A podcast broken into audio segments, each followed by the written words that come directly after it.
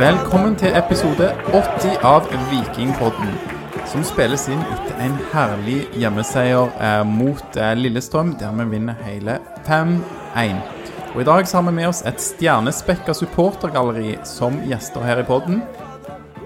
Det flires litt når jeg sier det, men for meg så er det skikkelig stjerner vi har med oss. Eh, Jeg heter jo da Alexander og er fast inventar her i podden, men vi har òg med oss Bjarte Østebø, som er godt kjent for flere av lytterne, og som òg var gjest i episode 76. Velkommen til deg, Bjarte. Takk for det, takk for det. Og så har vi med oss eh, Charlotte Mæland. Eh, Uttales det Mæland eller Mæland? Det er Mæland. Det er Mæland, ja. Må rette folk på det hele tida. ja, jeg skulle egentlig spørre deg før vi begynte å spille inn, men eh, jeg sparte det til nå, da. Så ja, du er jo fra, fra Viking Oslo. Velkommen, Charlotte. Tusen takk. Og så har vi med oss eh, Barbara Babsi Holzer, bedre kjent for mange som eh, Babsi Blubb, som er navnet ditt på sosiale medier. Ja, hei. Velkommen. Og du er jo da fra det som jeg kaller Viking Support Østerrike. Ja. Er dere mange i Nei, det er bare meg, tror jeg.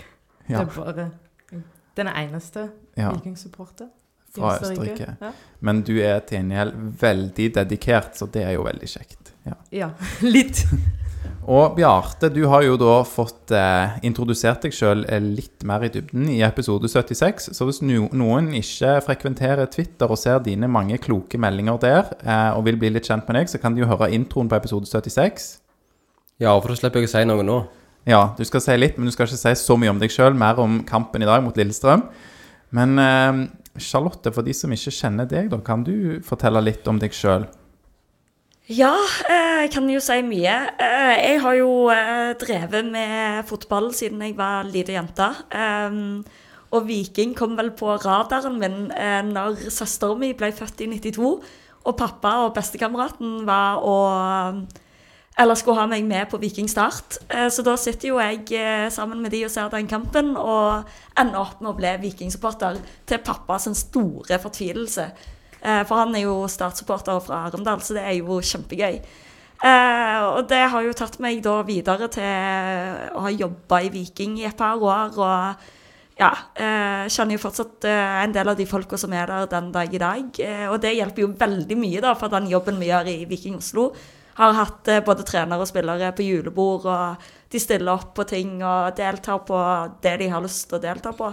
Så det, ja, nei, det er kjempekjekt. Og det å da få lov til å komme hjem til Stavanger og gå på kamp, og det blir en sånn kamp som dette her, det er bare magisk, altså. Det er helt eh, nydelig, og det må jo jeg òg innrømme som, eh, som hoster denne podkasten, og som skal ha gjester inn òg, at det er spesielt kjekt at Viking gjør det bra når jeg skal ha eh, gjester inn. Så er det liksom en mer go go and mer drive når vi spiller inn pod. Så det er nice. Har du et favoritt-vikingminne, Charlotte? Er det dette i 1992, da, Vikingstart, eller er noe annet du vil trekke fram? Akkurat det husker jeg jo særdeles lite Ja, Du vet kanskje ikke hvordan kampen gikk heller? Nei, det husker jeg ikke. Det skal jeg ærlig innrømme. Nei, men eh, det har jo vært mange gode minner. Eh, kommer aldri til å glemme Mjøndalen i 2019. Kommer aldri til å glemme cupfinalen Nei, 2018 var det, for cupfinalen var i 2019. Eh, men jeg har vært på to cupfinaler før det, og jeg har vært og sett eh, Viking-Chelsea. Det der er, der er så mange gode minner med Viking at det er vanskelig å bare ta ut ett. Ja.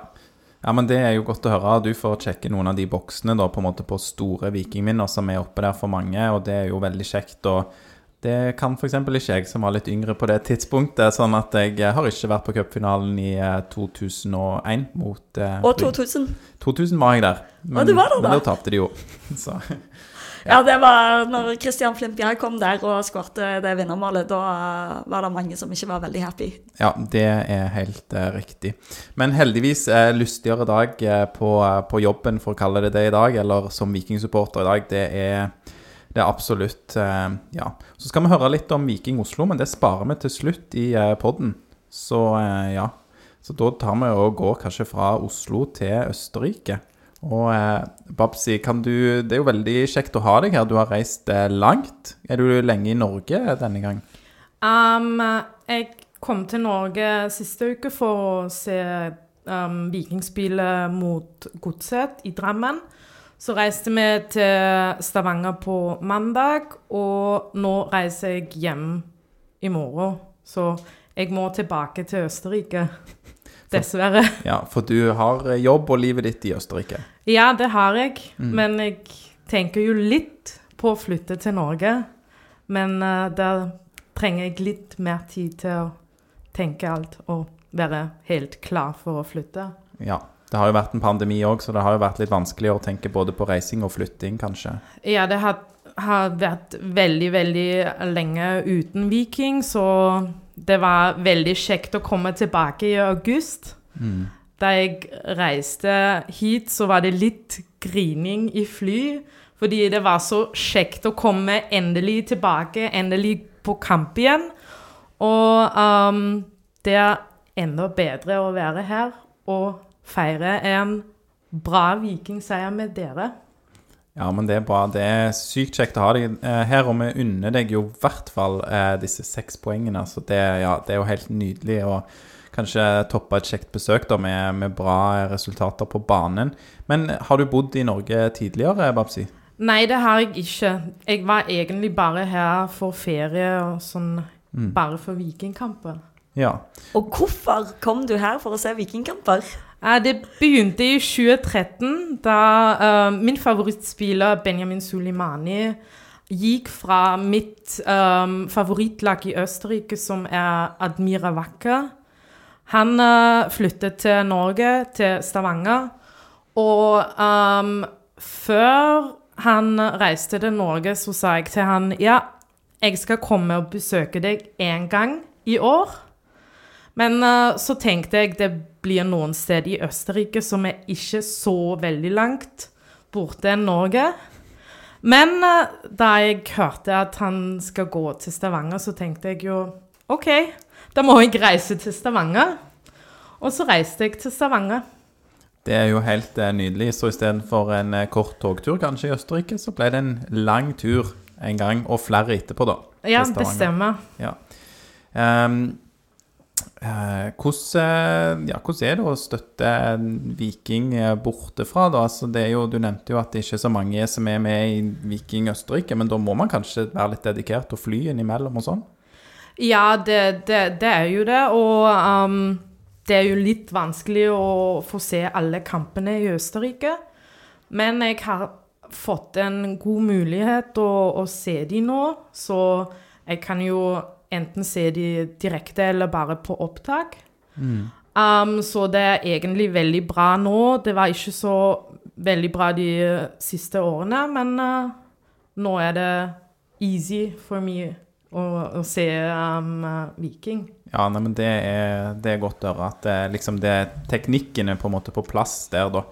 Ehm, Benjamin Sulimani han husker jo mange som er glad i Viking, som i hvert fall er litt eh, gamle nok til å huske det. da. Jeg husker det veldig godt. Han var ikke der så lenge, var han det? Nei, det var, tror jeg, seks måneder eller sånn.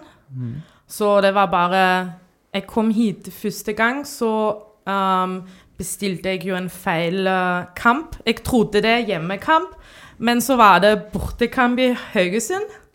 Så tenkte jeg OK, hva skal jeg gjøre nå? Så måtte jeg um, skrive Vikinghåndene, og spurte de om jeg kan reise med de, sammen med de um, til Haugesund. Og de sa bare sånn ja, du kan være med. Og så var det en båttur til Haugesund. Og det er veldig morsomt å fortelle i Østerrike, fordi du har jo ikke en bortetur. Du må ta båt. Nei. Så det, det, det var veldig morsomt å fortelle hjemme. Det var ikke denne her eh, borteturen der de hadde hengt disse eh, Dokkene fra bruen. Nei, de- Jo, det var den. Var Det var denne? den. Okay. Og det er pappa min som en, forteller det. Så hun reiste til Norge, reiste til en bortekamp, og det var de som eh, hengte opp de fra bruen. Det var han, han forteller det fortsatt sånn, ja. Ja, uff da. Det, det er mange som husker det. Ufine Haugesund-supportere. Jo, men jeg husker òg at uh, på den tida der, Vikinghorden re responderte jo jævlig bra, sorry språket mitt. Uh, for på neste kamp så hadde de jo stor banner med hedre egne framfor å drepe andre, eller jeg husker ikke, men i hvert fall den der hedre egne. Og det syns jeg var en veldig fin uh, svar på tiltale eh, til Haugesund. Ja, nei, det er kjempebra, ja. Det er sånn man skal respondere. Så, Da, eh, da gjør man det noen hakk bedre enn Haugesund-supporterne, ja. Jeg nevnte Benjamin Sulimani da, Babsi. Han er jo eh, spiller fotball ennå. Ja, jeg tror det er fjerde divisjon i Østerrike eller sånn, men han spiller ennå. Ja. Men eh, karrieren er litt på, på Han- Ja, vei mot slutten, kanskje. Ja, han, han, han gikk, gikk jo tilbake til mitt favorittlag etter hans tur i Norge. Men uh, um, ja, han er ikke så veldig bra lenger. Men um, kan vi utfordre både Babsi og Charlotte her, kanskje, og, og du òg må slenge deg med, Bjarte, kanskje på å synge Benjamin Sulimani-sangen deres? Dere har en sang? Det vel ikke vi som har en sang, det var vel en sang som passa veldig bra til han, som allerede var lagd. Og jeg tenkte litt på at jeg måtte sende melding til Tore Bukke Espedal for å spørre hva den sangen heter. Men han gikk noe Altså, beklager den dårlige sangstemmen min akkurat nå. Men refrenget var noe som Sulimani, Sulimani, Sulimani. Så den gikk over høyttaleranlegget på stadion et par ganger når han var der. Ja, Det er jo eh, veldig kult. og Han skåret jo noen mål for Viking, så vi fikk eh, høre den litt. Og ja, kanskje noe å grave fram, ja. Høre på på Spotify, så ja. Men eh, vi er litt eh, ja, på vei ned eh, memory lane, og vi skal snart grave oss tilbake. Men eh, ja, litt mer om deg, Babsi, først. Ja, jeg kan jo si en ting først. Når vi først har Babsi i studio her, det er jo et litt skup for Vikingpodden å få en, en utenlandsk supporter i studio. Men det, er, eh, det var jo egentlig en historie som vi hadde kunne brukt mer tid på. Men der har rett og slett eh, NRK kommet dere i forkjøpet i dag. Og den, den lagt ut en historie om eh, både Babsi og flere andre internasjonale supportere som eh, som eh, har valgt seg et norsk favorittlag. Og jeg må ærlig innrømme det, basert på mine egne minner. Hvis jeg skulle valgt meg et favorittlag i Europa i 2013, helt fritt, så hadde jeg ikke valgt det vikinglaget som var på den tida. Altså. Det må jeg, såpass ærlig må jeg være. For det var grå masse. Sorry til dere som prøvde så godt å kunne på den tida. Utenom Benjamin Sulimani, da. Ja, det, han var vel mest kjent for alle straffesparkene han ikke fikk, men det Det var Ja, det, det er bedre tider nå, det kan vi si. Men det du egentlig skulle til å si, det var jo å gjengi en tweet som eh, Som ble publisert av en av dine landsmenn i dag. Det går jo gjetord om uh, supporterlivet til Babsi. Der Stefan Meyer skriver rett og slett at eh, dette er the famous Babsi from Gumpelkirchen. She's also very well known in Mödling and Vienna Floresdorf. Her teams are not very successful. Det er jo feil, tydeligvis. Ja, helt feil. Viking er uh, a, very a true fan, not a fame hunter. Og så er det sånn smiley og slutt, winking face. Så litt blunkefjes der. Altså, han, han heter deg jo da her Stefan Meyer. Babsi, ja. Og ja, du, som du er inne på, Bjarte, altså, du har kanskje ikke valgt lagene for å gå for de mest suksessfulle. Det er ikke liksom Barcelona og PSG. Nei, det er ikke, ikke sånn, fordi egentlig, utenom Viking, er alle veldig, veldig dårlige. det er Østerrike, alle er dårlige. Så har jeg et tysk lag som er dårlig, men jeg har Viking, og det er det beste å ha Viking. Så de er jo bare mitt favorittlag nå, fordi det er egentlig alt bra her, og jeg gleder meg alltid å komme tilbake. Og så syns jeg jo det er bitte litt grann sykt, da. Eh, vi er tilbake i 2013, nå sitter vi i 2021, og du snakker norsk. Altså, Viking og din interesse for Viking har gjort at du sitter her nå, kan forstå alt jeg sier, og Bjarte sier og Alexander sier, og svarer oss på norsk. Altså, hva er greia? Ja, det er litt, litt vanskelig for meg, um, fordi jeg føler jo alltid at norsken min er ikke så veldig bra. Men uh, Den er, er jo fantastisk. det er folk rundt meg som sier at engelsken min er dårligere enn norsken min, og at jeg må snakke norsk her nå. Så jeg prøver det. Ja, Du stiller jo i norskspråklig podkast òg. Altså, all creds òg for å ha lært språket. Det er jo så sterkt. Og det er sånn som mange bare går og sier, liksom. Prøver å få seg en jobb i utlandet og lover å lære språk, og så skjer det aldri. Og du har eh, gjennomført at det er ja, creds til deg. Og en annen ting du skal ha creds for òg. Du sto opp veldig tidlig i dag, gjorde du ikke det? Ja, jeg gjorde det. Hvorfor, hvorfor sto du opp så tidlig i dag, eh, Babsi? Um, jeg bakte jo skoleboller med Dag Helge, og for Viking for, så kampdag er jo alltid skolebolledag. Og så, ja, sto jeg opp tidlig for å bake skoleboller til Viking. Hvor mange, Sykt gode. Hvor mange? Jeg, hvor mange har du bakt i dag? ja? jeg tror det var over 250. Ja, det er sterkt, altså. Det var syv timer jobb, og han Dag Helge sto opp enda tidligere enn jeg gjorde, så det var masse jobb å gjøre. Ja, nei, det er mer skoleboller enn jeg har bakt i hele livet. Visste dere det? Det er veldig creds, altså. Så- Fun fact. Ja, fun fact, fun fact for meg, kanskje litt gøy. Jeg må, jeg må heve meg på bakefronten.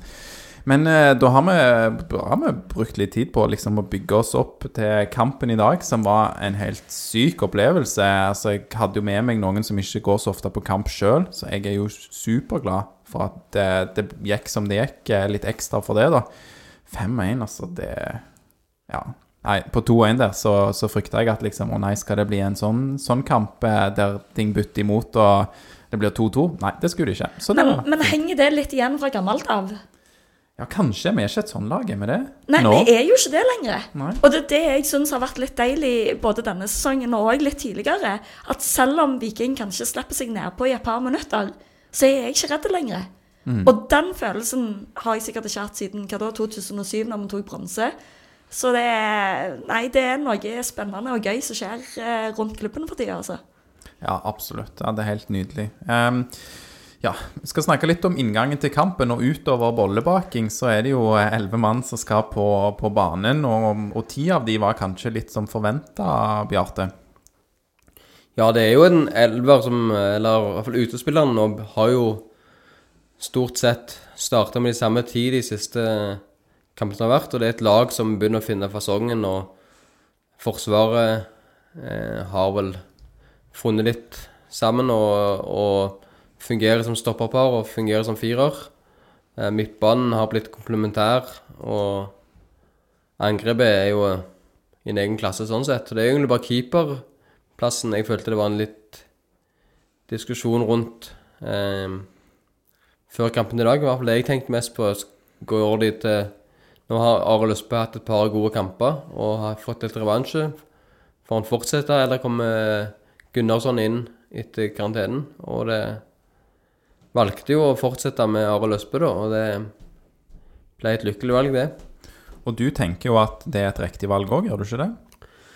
Ja, altså det er jo um, hvis, Viking, hvis Viking mener alvor med, med det at det er en Skal først ta lokale, så regionale eller nasjonale, og så internasjonale, så er det jo ehm, Tenker jeg at det er fornuftig å gå for den lokale spilleren når det er to som er jevngode. Eh, så kan du kanskje si at det er litt annerledes når det er snakk om unggutter, kanskje. At du prioriterer den, unge, den lokale unggutten foran den utenlandske. Men det, mens nå Arild Østbø er såpass etablert, så kan han kanskje ikke få goodwill på den måten der. Men jeg syns det var fornuftig å lande på Arild Østbø nå, og så og du ville jo fått et forklaringsproblem veldig fort hvis da Gunnarsson kom inn på laget og gjorde en tabbe nå, f.eks. Mm, mm. Så var, hvorfor gikk vi ikke for løs på? Det sier jo litt om hvordan vinden har snudd i løpet av de siste ukene. Ja. Den er vel eh, Hva skal jeg si? Det kunne det vel gått begge veier. ja Hvis Are Løstbø hadde hatt en dårlig kamp, så hadde kritikerne hadde vært der uansett. Ja, da kommer Hva var det vi sa? mm, Ja. Så det er jo Folk, det er vanskelig å være fotballtrener. Ja, det er veldig sant. Så nei, det er jo en eh, Ja, godt at de velger Arild, i hvert fall med fasit i hånd i dag. Eh, Kjempekamp av eh, Arild, og det skal vi komme litt tilbake til når vi snakker om eh, børs. Eh, Jeg kan jo bare si at jeg frykter jo når vi går inn i denne kampen, at det skal være en sånn eh, kjip kamp der eh, Lillestrøm ligger veldig dypt og forsvarer seg. Eh, det er de jo gode på, har tatt mye poeng på bortebane. Men òg at da Viking kanskje skal slite litt med å bryte de ned. Eh, sånn endte det jo ikke opp med å bli, og vi får heldigvis et tidlig mål, eh, Charlotte. Ja, og det var jo eh, bitte litt gøy, da, for vi kommer på stadion i dag, og det er god stemning fra til og med før kampen starter. Um, da ble jo lurt inn eh, en del bluss uh, og litt pyro til denne kampen. uh, og det var liksom sånn Idet uh, fløyta gikk, så begynte folk å fyre opp. Og det var jo et hav av rød flamme og ja, mye røyk og hele pakken.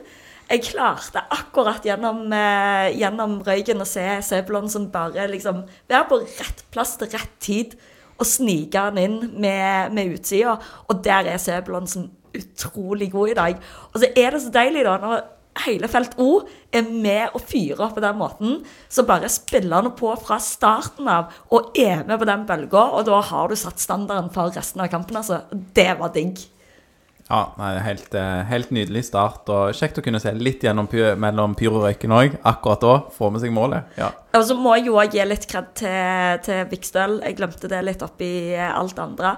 Men den jobben han gjør på forhånd der, får inn en liten flikk sjøl og bare liksom passer på at den går eh, retning Sebu der, og så. Nei, det er helt eksemplarisk. Og vi nevnte jo det, òg. de skårer veldig mye mål på, på dødball. Og var vel eh, øverst på den eh, statistikken i Eliteserien. Og det tror jeg jo de er fortsatt til noen kamper siden jeg sjekka. Men helt uh, nydelig. Og så er det 1-0, mm, og så er det noen som mener at vi skulle fått en stor sjanse til å få 2-0. En straffesituasjon, Babsi. Ja, jeg tenkte han traff Løkberg, og at det var straffe, men tydeligvis ikke. Så um, ja. Det, det, var bare sånn Jeg så på den om og om igjen, og for meg var det straffe, men uh, ikke for de andre. Nei, ikke for dommeren. Ja. Eh, så dere noen av den? Har dere sett det i reprise, Bjarte? Jeg har ikke sett den i reprise, men nå har det vært så mange tvilsomme situasjoner som ikke har gått til Vikings fordel akkurat. Så nå tenker jeg egentlig at dommerne kan innstille seg på at når en Vikingspiller går ned innenfor boksen, så er det straffe. det er en ny, ny policy som jeg foreslår at de, eh, Terje Hauge tar med seg eh, på neste møte, for nå er de litt i minus på den ja, Det er faktisk Konton helt der. sykt da, hvis du ser over en sesong hvor um, i minus uh, Viking er på Det er jo han uh, Hva heter han dommeren som er på Twitter? Eh. Svein Edvardsen. Svein Erik Edvardsen? Svein Erik Edvardsen, ja. ja. Han har jo lagd en fin oversikt der som viser nøkkelsituasjoner for og mot, og der kommer vi vel nest nederst, er det det? Ja. Og det, det, altså Ikke for å avbryte, men vi går med tilbake til bare Vålerenga-Viking, og du ser Harald Nilsen Tangen der som eh, får gul kort for filming. Ja. Det er altså Hvor er dommeren og de rundt som påstår at det er filming? Det er liksom bare så langt ute av denne verden at du ikke kan tro det engang. Så jeg er helt enig med Bjarte. Vi er tilbake til Sulemani og alle de straffene han ikke skulle ha vært. Vik, eh, alle de straffene han skulle ha hatt.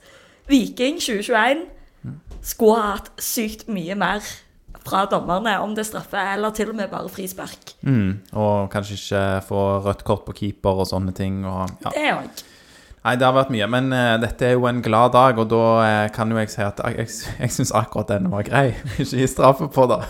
Så, og det er jo lett å sitte her og si når vi vinner 5-1 til slutt. Uh, så, så, skal jeg heller spare de straffene til når det virkelig, virkelig gjelder. Men, men, det er veldig sant som Bjarte og, og, dere alle sier, at altså, her er vi nødt til å Over en sesong så kan det ikke være sånn, for det har mye å si når man teller poeng til slutt.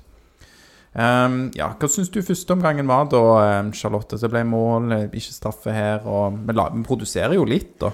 Ja, jeg syns det er veldig mye positivt å ta med seg. Du ser liksom Harald Nilsen Tangen er på ballen hele tida. Han er han begynner nesten å bli en av de største truslene offensivt for oss. Og det er, det er jo kjempegøy å se på. Det, det var en som viste en, i, nei, en eh, tweet i pausen eh, der det var sånn Hvis Lillestrøm drar herfra med poeng, så er det eh, en større bragd enn det Bodø-Glimt klarte mot Roma. For det var så gode vi var, og så overbevisende vi var mot Lillestrøm i første omgang. Selvfølgelig, altså Vi spiller 45 minutter. Du kan ikke forvente at det skal være høyt trykk i 45 minutter. Høy intensitet. Det er litt sånn klabb og babb innimellom. Det er ikke mye. Og så vet jeg jo òg at spillerne blir utrolig trigga av det som skjer på tribunen. Og i første omgang så er det liksom Det er veldig bra på tribunen òg. Ikke bare for Felt O, men hele, hele stadionet med i dag. Og det fyrer jo spillerne opp. Så første omgang eh, Ja, nei, det var, det var en kjekk kamp. Ja, helt enig. Det, det var veldig bra førsteomgang. eller det var en god førsteomgang. Og så ble det enda bedre selvfølgelig i andre. Og eh, jeg skal bare si òg i pausen her så var det jo da premiere på en ny eh, eh, vikingsang. Og den skal vi spille til slutt i dagens episode. Det er jo alltid hyggelig når folk eh, lager vikingmusikk, eh, syns jeg. Eh, ja, skal vi bare ta Hva syns dere om den sangen da, som ble framført i pausen av eh, Det er Haughom, som er, er hva hva, produsent, er han. Og så var det Thea Sofie som eh, sang. Eh, ja, fin sang. Hva var det du sa, Bjarte? Nei, jeg sa vel at jeg syntes melodien var bedre enn teksten. Nå kan jeg få sinte, sinte, sinte meldinger i innboksen, men det får jeg bare ta. Um, men jeg er jo en gammel sjel, da, så det, jeg liker best de, de klassikerne som jeg eh, har gått i alle år, og som sikkert er tatt av et svensk danseband eller noe sånt. Ja, noen av de er jo det. Men, men det er vel noe med det at det er en del sånne fotballklisjeer som man kan putte inn i noen sanger. Og de har brukt Ja. noen av de, men det ble jo fin eh, musikk av sånn. Det er jo Men det, sånn skal det jo være òg. Eh, Ja. Når jeg så i programmet at det skulle komme en ny vikingsang, så var jeg hadde litt skrekken i meg. Eh, og jeg tenkte bare å herre min hatt, hva kommer nå, liksom? For jeg husker jo til cupfinalen i 2019 kom så mye rart av cupfinalesanger. Og jeg tenkte nå kommer det noe sånt der òg. Eh, men eh, jeg ble positivt overraska. Eh, Og jeg gleder meg til å høre den igjen når jeg ikke står rundt mange andre supportere som heller skal diskutere fotball enn å faktisk høre på sangen. Ja, ja men vi, vi skal inkludere den i podkasten, så lytterne kan bare stay tuned, og så tar vi og eh, inkluderer den som de siste tre og et halvt minuttene av podkasten, eller noe sånt. Så, så det er bra. Fortsett sånn, folk, og lag eh, vikingmusikk. Um, ja. Um, andre omgangen så ja, etter Thea Sofie var ferdig å synge, da, så begynner jo andre omgangen. Og det er jo enda viktigere, det som skjer på banen. Um, der blir det jo litt sånn eh, ketsjup, og jeg tenkte på liksom, hvordan skal man oppsummere den andre omgangen. Men ja, det er jo det er sånn at mål preger kamper, og når det er mange mål, så preger det kampen veldig. Og Viking skårer mye mål, og begynner med, med 2-0 eh, der, eh, Bjarte. Ja, det um, er jo et angrep der, der Berisha vel kommer inn og legger, legger lågt inn til Harald Nilsen Tangen, som får tråkla med seg ballen litt og gjør fine detaljer, men òg har litt hell med seg med å få at ballen får sneke seg inn. Eh, jeg satt jo i første omgang og tenkte litt at um, at Lillestrøm nesten hang litt i tauene og var heldige. At for alle, de, var, de var dyktige i en del forsvarssituasjoner, fikk klarert i siste liten, og keeper hadde en god redning og litt sånt. Men det var òg en del situasjoner der jeg tenkte at eh, eh, nå var det mer på lykke og fromme enn det var dyktig forsvarsspill. Det var en del lave innlegg ut 45 der ingen var på 45 grader. De kom tima løpet litt feil og kom akkurat for seint. Så fikk du kanskje litt marginer med deg igjen, og på 2-0 var det ikke noe å si på det at Viking tok ledelsen, eller økte ledelsen der. Nei, og det er jo det, De skårer jo tre minutter ut i første omgang og tre minutter ut i andre omgang, og det er jo Ja. klart eh, Ja. En eh, fin start på, på andre omgang òg, ja. Men var det en fin start for deg? Eh, Nei, det har jeg et par ting jeg kan si. Eh, Det, jeg er vanligvis ikke noe supporterpoliti, men én ting har jeg et På ett område har jeg høna plukka med et par tusen innbyggere i Stavanger og Main. Eh, når du går på fotballkamp, så ser du fotballkampen. Det gjelder uansett om du betaler den sjøl, eller om jobben din betaler for deg. Og det, jeg sitter jo sånn til at de som eh, sitter på vippen, de går inn og ut forbi meg.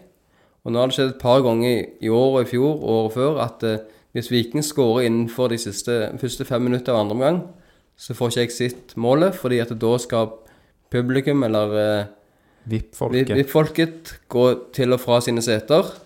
Og da tar de gjerne en stopp hvis de kjenner noen på veien. Slår en prat der, så da gikk det 20 sekunder der som jeg ikke så noe, og da skårte skårte Viking et fint mål. Så jeg tenker jo til dere som eh, føler dere er truffet nå, så skal dere gå hjem og tenke over hva dere har gjort. og gjøre noe annet neste gang. For men- nå, men det skal være fri sikt på den tribunen der, og finn plassen til, Ja. til andre gang begynner. Det har et kvarter pause, ikke mer enn det. Mm. Og må du tisse, liksom, så eh, kan du gå fort forbi, i hvert fall. Da er ikke det plassen å prate med de rundt deg. Ja, det er ikke en, det det er ikke en arena for dialog. Det er det ikke. Nei. I hvert fall ikke rett foran deg. Da kan du heller ta den Nei. dialogen eh, på baksida av tribunen, tenker jeg. Ja, det burde kanskje jeg òg gjort, men jeg tar det her heller. Så det, Ja, her er det monolog, så det er bra. En liten, en liten monolog fortjent der som du kan eh, gi til, til VIP-folk, eh, Bjarte. Men um, det du dessverre fikk se da i Bjarte, var jo det 64. minutt. Så skårer det andre laget. ja, også kjent som Lillestrøm. Eh, de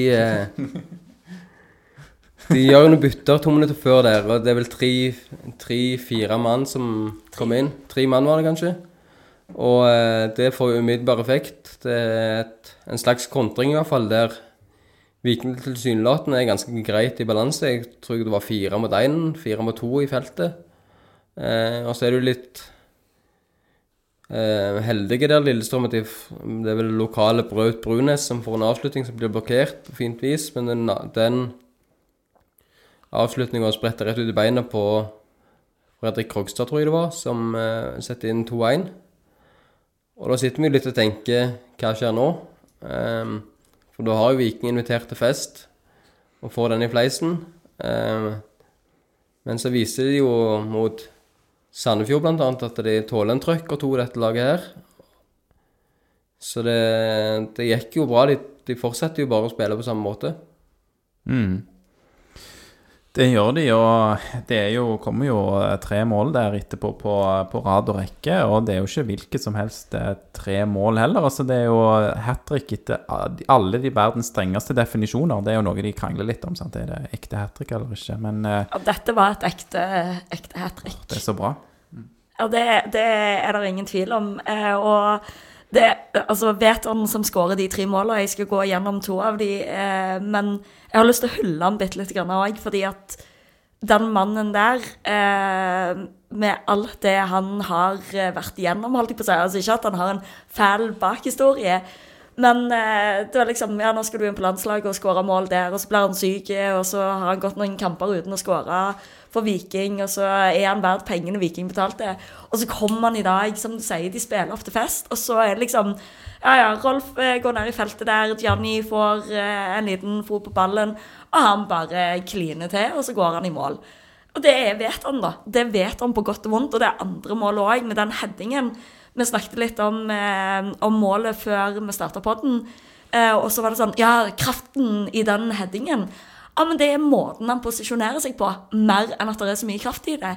For han står på rett plass. Janni er helt nydelig med silkefoten sin der, og treffer han perfekt. Alt han trenger å gjøre, er bare å stramme overkroppen og nakken, legge hodet bitte litt grann bak, nikke han inn. Det er, han er så god i de situasjonene der. Og så Og den er vi jo clean ut i sida òg, liksom. Altså, det er, det er så bra. Keeper har ikke sjans der. Nei, helt vekke. Og det, det er der han er eksepsjonelt god, da. Eh, vi prøvde jo å dra i gang litt sang til Veton etterpå, men eh, vi har jo fått beskjed om at vi synger ikke 'Nå skal vi skilles, Johanne'.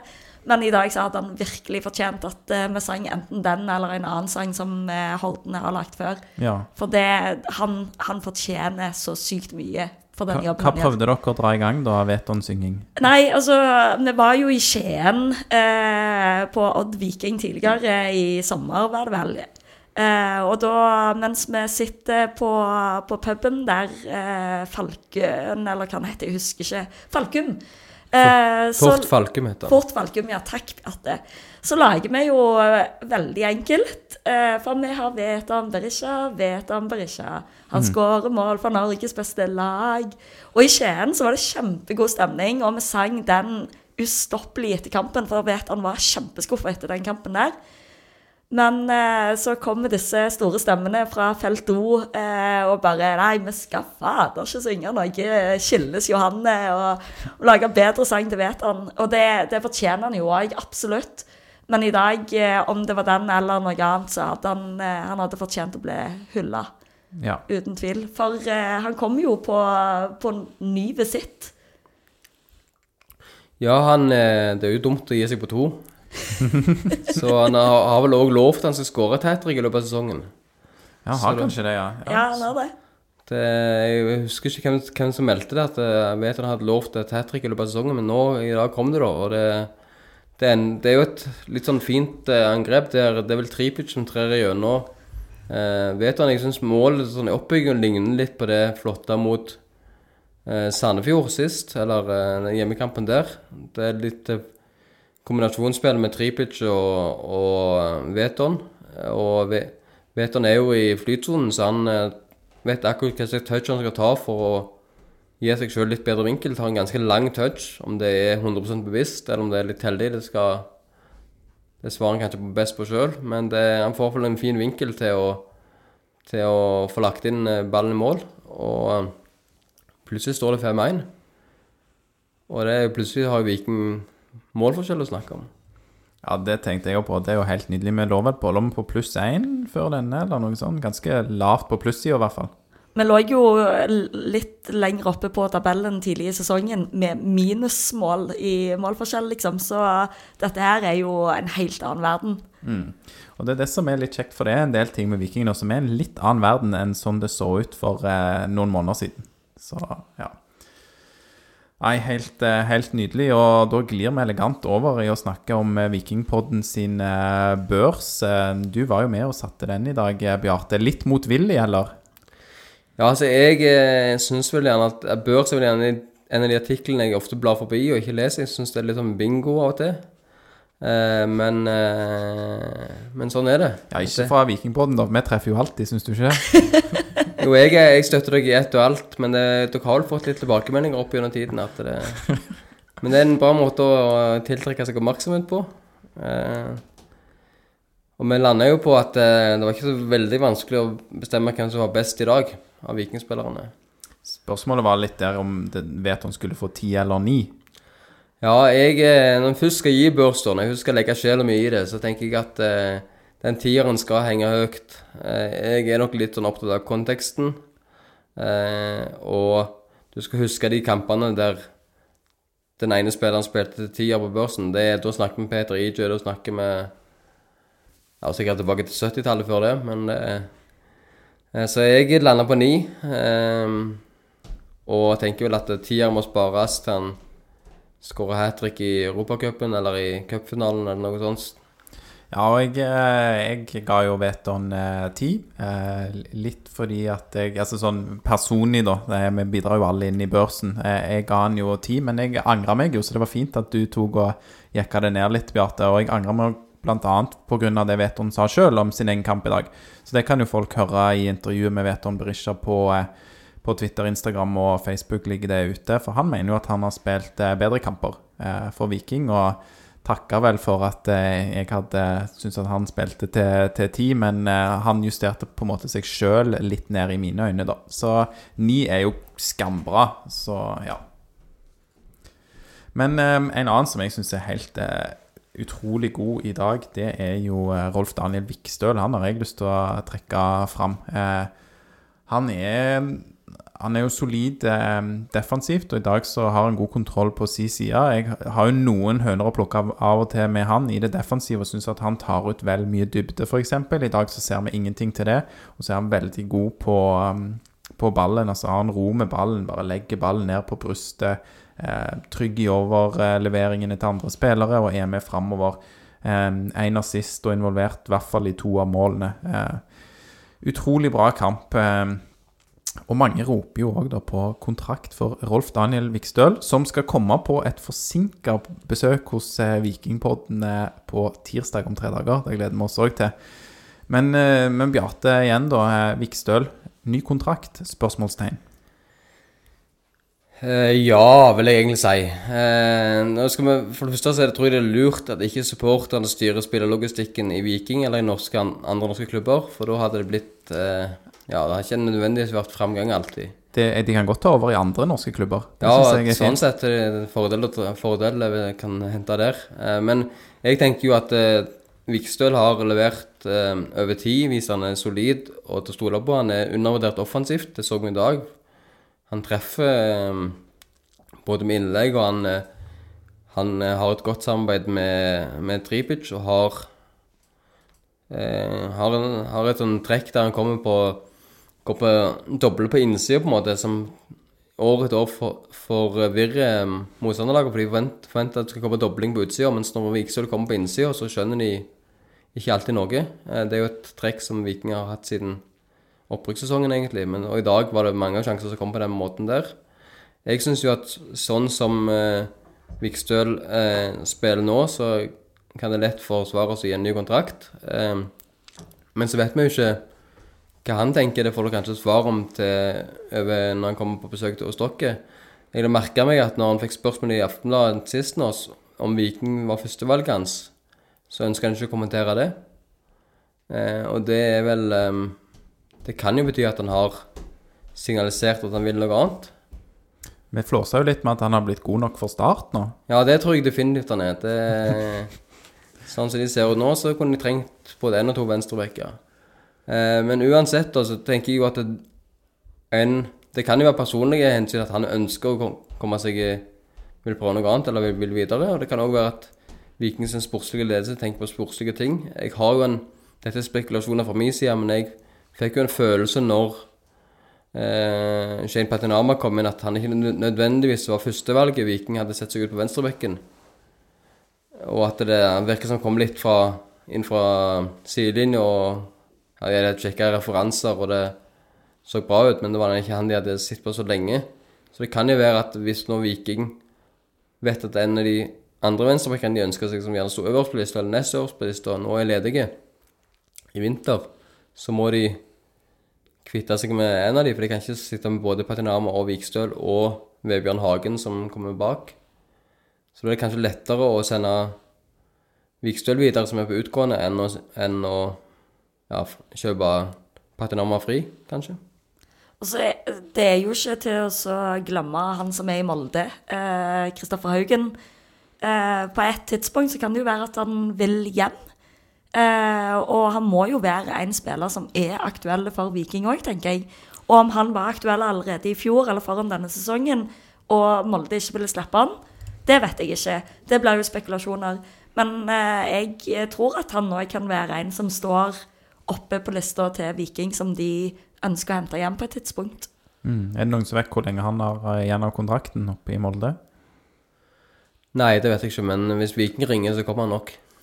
Ja, du skal, Det er jo ikke sikkert. Han er jo sammen med dattera til Rekdal og koser seg der oppe. Så Ja, plutselig så skal de begynne å stifte familie der oppe. Får, håpe han vet hvor hjertet hører til. Ja, jeg har bodd oppe på Nordvestlandet der, altså. Det er ikke et eh, sted du vil være i lengden. Det er egentlig ikke i korten heller, i hvert fall ikke sånn eh, mer enn på noen besøk, da, tenker jeg. Men eh, OK, han trives kanskje der.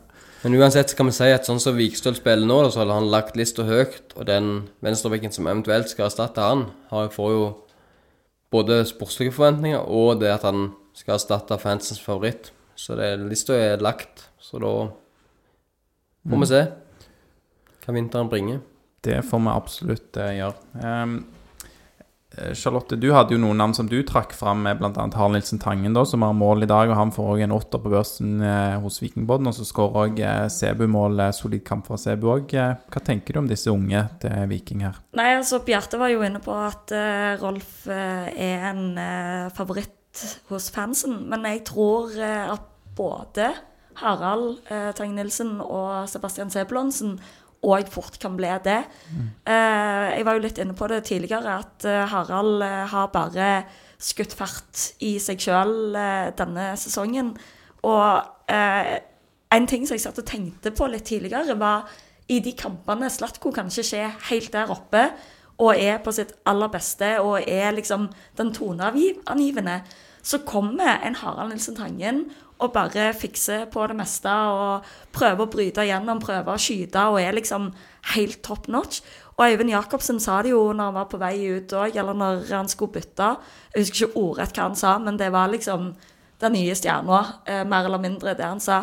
Og det syns jeg nå at eh, Harald har vist i et par kamper, rett og slett. Um, og Eh, om Rolf er en favoritt nå, gi Harald en sesong til, så kommer han til å ha tatt over for veldig mange.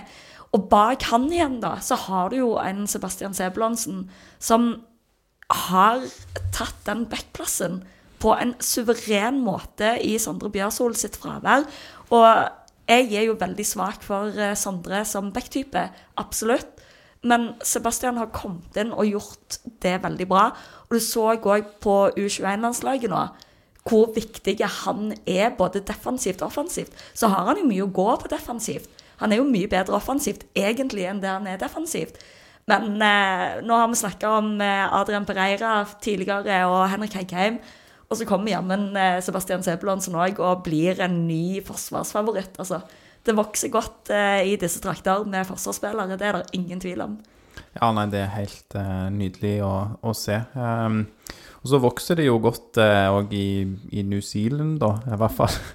I hvert fall fra de lokale vikingspillerne fra, fra New Zealand, eh, holdt på å si slash Australia, da han er jo litt eh, to, to statsborgerskap på Gianni. Men, eh, men Bjarte, i dag så gir Vikingpodden bare en sekser til en veldig god vikingspiller, nemlig Joe Bell. Hva, hva skjer med det, da?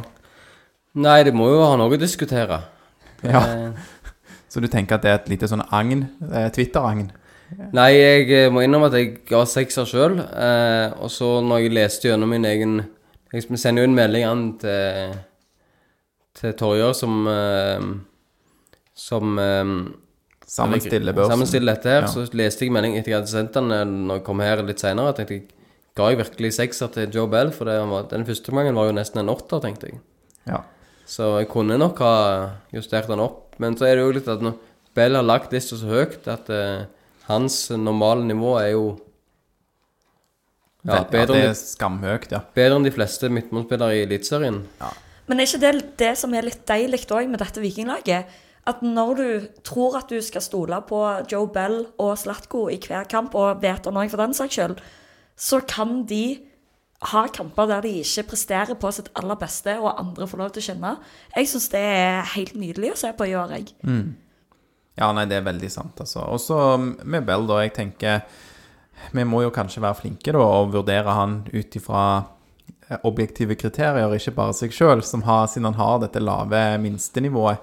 Eh, Høye minstenivået. Ja, unnskyld, ja. Høye minstenivået. riktig. Nå må jeg, må ikke si feil.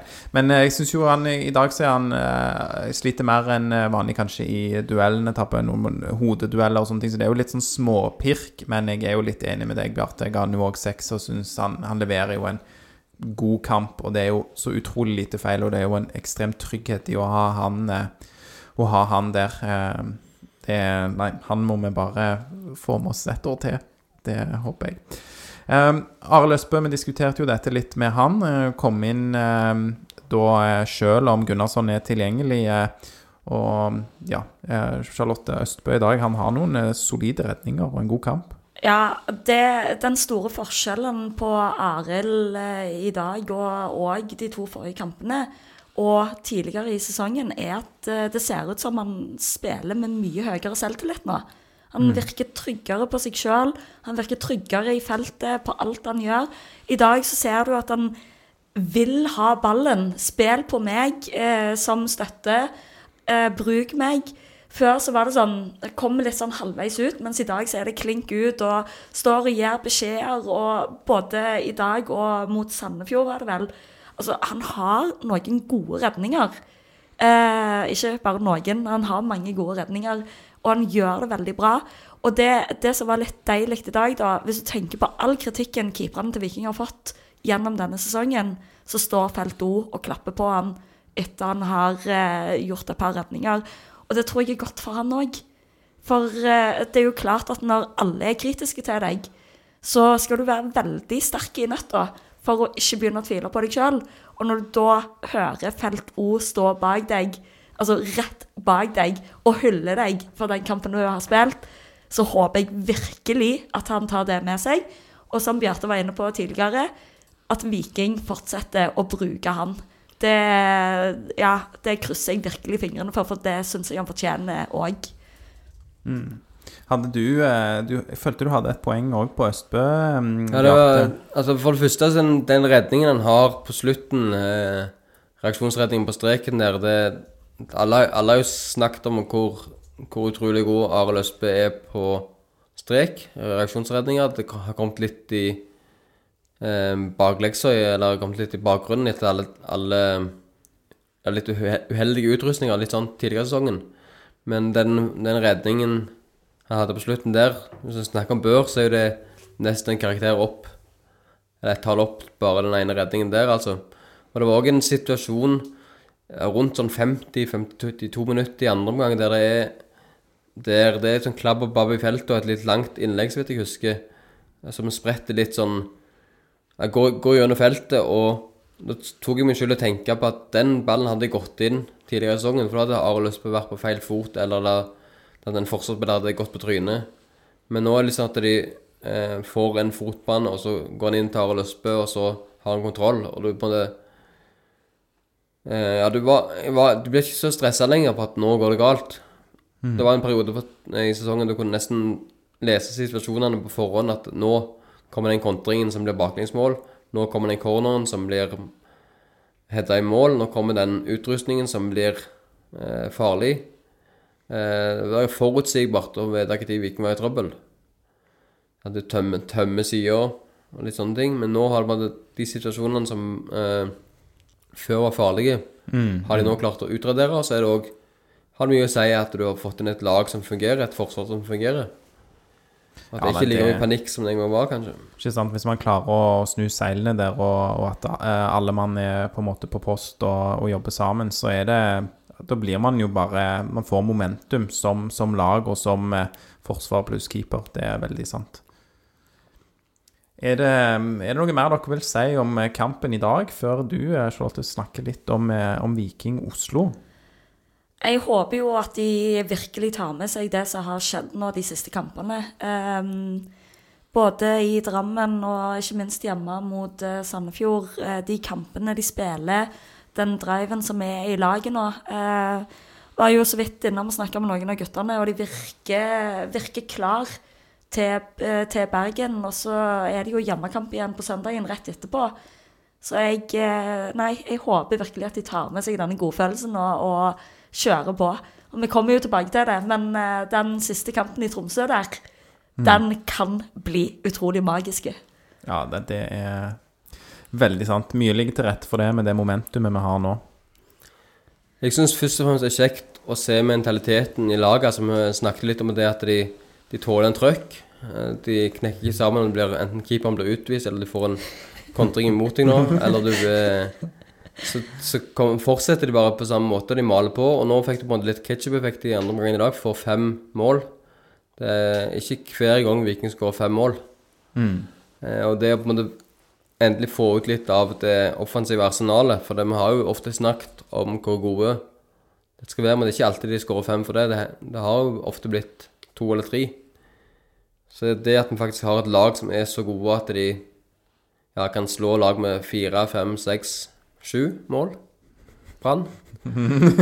Det er lov å håpe. Det er ikke lenge til brannkamp, nei. Så eh, det er veldig kjekt å ha et For det, det er jo litt sånn typisk trenere som kommer inn, sånn som Bjartlund Årsheim og Morten Jensen sa at eh, vi vil forbedre det offensive. Så, så er det mye lett å si det, da. Men nå har det jo et lag som peiser på helt til det Helt til det kampen er over. Og, og da det er kjekt å være den Istedenfor at de bremser ned på 3-0 eller 3-1, da. At de prøver å få 4, 5 og 6. Det, det er jo det supporterne ønsker seg. Absolutt. Og så må jo jeg innrømme, jeg håper jo at eh, Viking eh, de vinner mye, og de vinner med gode sifre, men aldri med mer enn eh, fire mål. For det er jo eh, denne her forbannelsen. Det er jo Drillo som eh, snakker mye om det. Hvis du vinner med fem mål eller mer, så klarer du ikke å vinne neste fotballkamp. Det er veldig ofte tilfellet. Så, men for all del, klarer de å vinne med syv mål og likevel vinne neste kamp, så er jeg eh, klar. Men det er mye psykologi i eh, fotball, og altså, ja. Nå har det, dette vikinglaget vært flinke til å begrave en del spøkelser, så da kan vi ta sånne eh, huskeregler for Drillo og sånt. Det kan å ta i samme slengen. Ja, nei, enig. Enig. Det skal jeg gladelig gjøre. Det er, dårlig, det er en dårlig idé å, å um, tape mot, mot Brann. Det trenger jeg ikke vurdere. Så det Nei, det er veldig sant, og det kommer, kommer snart. eh. Men, eh, men Babsi, du da med oppholdet i eh, Norge og Stavanger for denne gangen, noe mer du ville hatt ut av det? Noe mer du ville sett fra Viking i dag, eller eh, ellers? Nei, eh, det var egentlig Jeg håpte uh, Jeg tenkte ikke at vi skal vinne 5-1. Så jeg er jo skikkelig glad og um, tror jeg skal reise hjem med vikinggenseren på meg i morgen. Så at alle kan se hvor jeg kommer fra. Hvor um, hjemmet mitt er egentlig sånn. Um, og ja, jeg gleder meg å komme tilbake. Ja, det er bra. Vi gleder, gleder oss til du kommer tilbake. Så får du gi en lyd, og så kanskje stille i podkasten igjen hvis du Ja. Eh, Babsi eh, nikker veldig entusiastisk når jeg sier det, så det er bra. Em, nå nevnte vi allerede at vi skal til Tromsø i siste serierunde. Eh, og så er det jo eh, bortekamp eh, mot eh, Brann. Det er på torsdag, sant? Det er på torsdag. Ble eh, flytta fra onsdag. Ja. Ja, Ja. og jeg vet jo at det er, er begynt å bare selges ganske mye billetter der oppe. Jeg tror, nå skal jeg ikke si helt sikkert, men det begynner å bli en god gjeng som skal opp der òg. Eh, og bare når vi satt før kampen og snakka litt, så var det noen som Ja, skal vi ikke bare kjøre opp eh, til Bergen og gå på kampen? Så hvis det er noen der ute som har lyst til å ha meg med, som kan sitte og snakke om Viking opp og ned i mente i et par timer, så må dere bare gi meg en shout-out, så sitter jeg på og er med opp, altså. Ja, men Det er bra at det er riktig eh, innstilling. Det er helt, eh, helt nydelig. Og, Bjarte, skal du òg til Bergen, eller? Nei, det skal jeg ikke. Det, klar, det klarer de å vinne uten meg. Men du skal til Tromsø. Jeg skal til Tromsø. Det kan bli interessant med snøstorm og snøballkrig. Og ja. Enten eh, ja, eh, fin eh, mørke natt eh, og eh, nordlys og sånn, eller bare pissevær og sludd og snø og ja, man vet jo aldri. Hva passer best, eh, best for Viking, da? Med, før i tida så var det jo sånn Ja, ja, hvis det regner og Viking spiller kamp, så vinner jo Viking. Så skal vi håpe på litt sludd og jævelskap der oppe for at Viking skal ha det greit, eller eh, er vi ikke der lenger? Er de blitt litt for eh, pampete og er glad i litt sol og sånt? Jeg Det er et godt poeng, ja. jeg tror Tromsø har noen treningstimer i sludd og snø, altså. Ja, ikke sant? Det Kan er være den fordelen utjevner seg på Ja, og vi har jo disse her Jeg skal ikke kalle Gianni som surfemann. Jeg har hørt at han ikke er noe spesielt gira på å surfe på Jærstrendene og sånn, i hvert fall. Men det er jo folk fra varmere klima, ja. Men det er jo dette eh, norske og litt sånn balkanblod. Jeg ser ikke for meg at de lar seg stoppe av litt sludd og snø, og de får vel med seg hele laget på det. Var det, var det i fjor med serieavslutta i Bodø? Da var, det jo, da var det jo litt sånn Ja, ja, hvem kommer til å passe på at de har eh, gule kort i den kampen, så de slipper å reise opp? Jeg håper ikke det blir samme greia i år, altså. Ja, nei, det er veldig sant. Jeg tror jo folk vil ha med seg den, ja. Den siste kampen. Det må jo alle spillerne og supportere bare Når, når de ser til. hvor mange supportere som ønsker å reise opp for å se den kampen, så Ja. tror jeg at eh, spillerne er såpass gira at uh, det er ingen som vil ha gult kort og må stå over den kampen her, altså.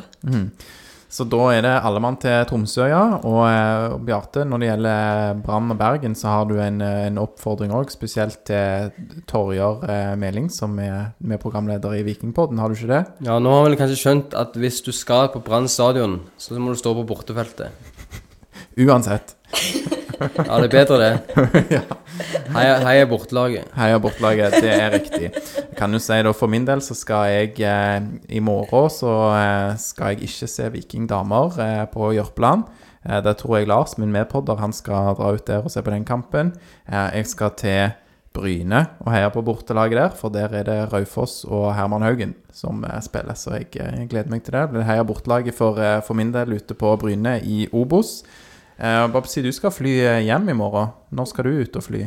Ja, jeg skal fly eh, klokka tolv eh, okay. i morgen. Um, men tenker litt på en uh, fin kveld videre i dag, så kanskje Charlotte og jeg skal til byen og feire litt. Må jo, må jo feire bitte litt når vi først eh, vinner 5-1 og du er i byen, syns jeg. Ja, og jeg sto jo opp tidlig i dag, så det klarer jeg i morgen også. Ja. Så det, det skal vi feire litt. Det er Ja, helt, det. eh, helt nydelig. Og nå er vi jo sånn 54 minutter på overtid. Jeg tror eksamen skulle være ferdig i 2030, men alt har tatt litt lengre tid i dag. Jeg tror det tar litt lengre tid når Viking skårer mye mål. Vi venter på Veton for å intervjue han. Eh, Det tok en stund, eh, ja. Men dere skal snart få dra til byen og, og feire. Men kan jeg, kan jeg bare få lov til å hoppe inn på en ting, for du Ja. var jo litt inne på det. Dette med Viking sitt damelag. Ja. De syns jeg eh, fortjener Altså, vi Nå var jo jeg i Stavanger eh, på semifinalen og fikk ikke vært med på den eh, kvalikkampen de spilte mot Frigg for to år siden. Men guri malla, for en reise de har hatt den siste tida, altså. Og nå skal de bare safe inn det som skjer på Jørpeland i morgen. Jeg må dessverre jobbe og får heller ikke reist ut. Men hvis de møter Frigg igjen, så kan jeg garantere at den gjengen vår i Oslo kommer til å stille ja, skal vi si, hensterke, verken mannsterke eller vi blir både kvinner og mannsterke på den kampen. Eh, og rykker de opp til førstedivisjon, så blir det, da det livatt på Østlandet for de òg, altså. Det, der har vi allerede snakka om det, og hva vi har lyst til å gjøre for jentene òg. Så det er bare en sånn liten ekstra piff til de i morgen. Få dere eh, opp til førstedivisjon, så kommer vi på kamp, og vi gleder oss. Ja, jeg, eh, altså, hvis vi kan gjøre denne vikingsesongen komplett på både herre- og damesiden, med medalje på herresiden og opprykk til førstedivisjon for, eh, for kvinner, altså jeg vet ikke om det er noe som kunne gjort meg gladere. Det er det jo sikkert. altså Fotball er jo bare det viktigste av alt. Det uviktige for all del, men man, det hadde Jeg tror jeg hadde begynt å grine. altså Det er ja, Jeg sitter og får frysninger på hele kroppen min når du snakker om det nå. For Ja. det Altså, vi har Ja, ja, vi tok cupgullet i eh, 2019. Mm. Men serien Vi har ikke tatt eh, medalje siden 2007. Eh, og det begynner å bli hekkende mange år siden nå. Byen trenger det. Mm. Eh, og vi ser på den entusiasmen som er rundt klubben òg. Det er så bra nå. Jeg husker før i tida, eller før i tida, sier jeg, det er ikke mange år tilbake. Folk gadd ikke gå på stadion og gikk og så på Oilers fordi at de vant og tok bytta hjem. Nå er det noe helt annet. Og kommer Viking da ut av det med medalje, og kvinnelaget rykker opp, nei, fy søren så bra 2022 blir da, altså. Ja, nei, det er helt nydelig. Og jeg var jo på denne frikampen da, som jentene spilte i 2019, og der det ble uavgjort, og det holdt ikke til å vinne den eh, pulja i opprykkskvalifiseringen. Eh, så oh man, det må skje nå. Og hvis, hvis noen lurer litt mer på, på, en måte denne storyen da, for eh, kvinnene, så kan de jo høre episode 77 med Nora Heggheim og Hanne Sætre Jacobsen. Episode 77 av Vikingpodden. Veldig interessant å høre litt om, om deres reise denne sesongen og dette som skjedde i 2019, da. Så ja, men det er en god påminnelse, Charlotte. Eh, du skal si litt om eh, Viking Oslo òg. Åh, ja, det ble plutselig veldig mye Charlotte i monitor her. Eh, nei, vi, vi har jo snakka en del om Viking Oslo, og folk vet jo etter hvert veldig godt hvem Viking Oslo er. Eh, og det som har vært litt fint i år Nå har vi jo gått en sesong uten å kunne reise sammen og gå på kamp sammen med Felto og med andre Viking-supportere. Men når vi da kom i gang, så har vi bitte litt starttrøbbel. Men så har vi eh, på et eller annet vis klart å få til en utrolig fin ting med Felt O. Eh, og jeg får litt spørsmål innimellom hva som er greia mellom oss og Felt O. Så spør jeg tilbake hva greia da? For fra mitt ståsted så er der, der er ikke ei greie. Vi vil alltid ha folk som har forskjellige meninger. Meg og Bjarte eh, dro fra Skien til Arendal sammen etter Odd Viking. Vi eh, kunne vært uenige om mye da, selv om vi begge er Viking-supportere. Og sånn vil det alltid være. Vi har i Viking Oslo òg folk som syns at det blir for mye show av og til med oss. Eh, og så er det jo inne i felt O òg folk som ikke syns at alt som skjer, er like gøy. Og sånn er det. Men det er litt viktig òg at folk vet at vi samarbeider utrolig bra sammen. Og det vi får til på tribunen i Drammen, som Babsi òg var med på, og Bjarte, ikke minst, eh, og det vi får til i dag For vi er faktisk ganske mange fra Oslo som har kommet til Stavanger for å gå på denne kampen. Eh, det er utrolig bra. Eh, og jeg håper at folk òg setter pris på det, og at det ikke fortsetter å bli sånn Viking Oslo mot Felt O. For det er jo det dummeste folk kan gå og tro. For her er vi bare en græla fin gjeng som bor i Oslo. eh, som jobber i Oslo eh, og elsker Viking over alt på jord. Eh, og vi koser oss utrolig mye sammen, men vi koser oss enda mer sammen når Felt O kommer på besøk til oss. Og jeg ser det bare sånn som i dag òg. Det er mange som kommer bort og gir, eh, gir hverandre klemmer og takker for sist, og, og jævlig bra i Drammen, og mer sånt, altså. Så når vi drar til Tromsø, tilbake igjen til Tromsø, så kommer vi til å toppe hele greia, altså, sammen med, med Felt O. Så det blir utrolig gøy. Ja, nei, men det er, også, eh, det er veldig godt å høre. Så er det jo folk som ser det fra utsiden. ikke sant? Da blir det jo kanskje det som skrives med litt store bokstaver og sånne ting som man biter seg merke i. Og det hva skal jeg si, det som er hyggelig og koselig, er jo kanskje ting som ikke skrives på sosiale medier. Og det er viktig å huske på det ja, som skjer eh, når man faktisk treffes og sånn. Så det er, det er, veldig bra. Men hvor mange er dere i Viking Oslo? Du kan jo bare si litt om det. Hvor, hvor finner folk dere? Dere Er på sosiale medier, er dere ikke det? Jo da, vi har, eh, vi har ei Facebook-gruppe som eh, hver gang vi treffer nye folk med Siddis-dialekten, så er det sånn Ja, er du med i Viking Oslo, eller har du lyst til å være med og se Vikingkamp? Og så får vi de inn der. Og så har vi en chat òg som er veldig flinke til å bare du, vær med i chatten. Så får du liksom vite alt om hva tid vi møtes, og hva tog vi skal ta, og hvordan ting blir. Eh, så der er det bare å søke opp Viking Oslo på Facebook og legge deg til i gruppa der. Vi er òg på Twitter og på Instagram, og nå var jeg litt for opptatt med alt annet eh, enn å være på Instagram på Viking Oslo i dag. Men Eirin, eh, som er og ser Viking i Oslo på Brygg sammen med de andre, har lagt ut litt derfra. Så vi, det er bare å søke opp Viking Oslo, være med. vi pleide jo å være på, på Trafalgar i Keisers gate men pga. pandemien og litt sånn restriksjoner, så har vi vært mye på Brygg nå i det siste. Men håpet er jo at vi skal tilbake igjen der. Men det er da det er greit å bare være med i gruppa og se liksom hva som er siste update. Så er vi på Trafalgar eller er vi på Brygg for å se den kampen. Og så har vi et veldig godt eh, samhold. Vi har jo vokst så utrolig mye. Når jeg flytta til Oslo i 2016, så var det Geir og Gisle som var liksom de som sa at jeg måtte være med, for de vet at jeg er vikingsupporter og har jobba i Viking og hele den pakken der. Eh, og da var vi jo en god gjeng på 20-30 stykker eh, som kom på Trafalgar og så en kamp. Og det første julebordet jeg var med på, så var vi Vi fulgte ikke opp hele Trafalgar. Men nå så er det sånn at vi kan ikke ha julebordet på Trafalgar fordi at vi er for mange. Og det går vel hva var det vi fant ut, ca. 50 stykker inn der. Og vi ser jo det på brygg òg. Eh, innimellom så kan vi jo være 100 stykker. Eh, kanskje jeg tar bitte litt hardt i, men eh, heller overdrive litt enn underdrive. For i gruppa nå så er det jo kjempemange som er med, og det kommer nye til hele tida. Nye studenter, folk som nettopp har flytta for å jobbe. Og alle er hjertelig velkommen, altså. Vi, mm. har, vi pleier å kalle det for velkomstkomité. Eh, og da er vi et par stykker som alltid går. Hvis det er en fjes vi ikke har sett før, så går vi alltid og sier hei, og er du ny? Og... Det er jo kjempefint. Og det som er mitt inntrykk òg, er jo at eh, det var vel Felt O som sa det sjøl, at uh, Viking Oslo kanskje er et, et litt sånn SR Bank Arena i miniatyr, liksom. Sånn at selv om man der kanskje føler man hører til på bakerste rad på langsiden, så er man velkommen i, i Viking Oslo, ikke sant? Ja, og det som, det som er kjempefint, da Altså, jeg blir jo, ble jo mobba bitte litt av de store guttene. For jeg er jo all in på alt dette som heter pyro og tifo, og står og synger og har ikke stemme igjen nå fordi at jeg har sunget gjennom hele sangen. Eh, sangen, ja. Har sunget gjennom hele kampen. det kan du få lov til å klippe vekk. Nei, men ta den. Det er bra, det. det er jo, den var jo som en fin sang, denne kampen her. Det var, det var absolutt det. Ja. Eh, så jeg står jo midt i den pulja der og synger for full hals, og det er det så mange av de andre som gjør òg. Og så er det helt greit at det er noen som står på sida, eller som står bak, som ikke står på felt O når de er hjemme i Stavanger, men de er med og bidrar.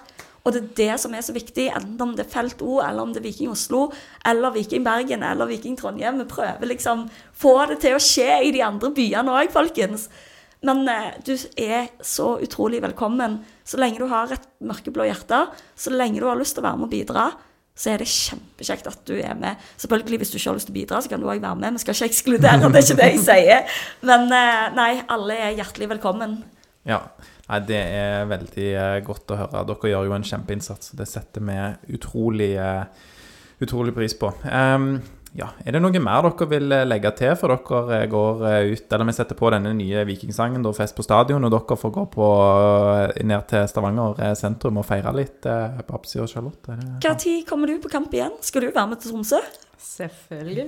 Babsi. Jeg, jeg skal ta moren min uh, med meg, så Nei. vi skal ha en, en uke ferie i Tromsø.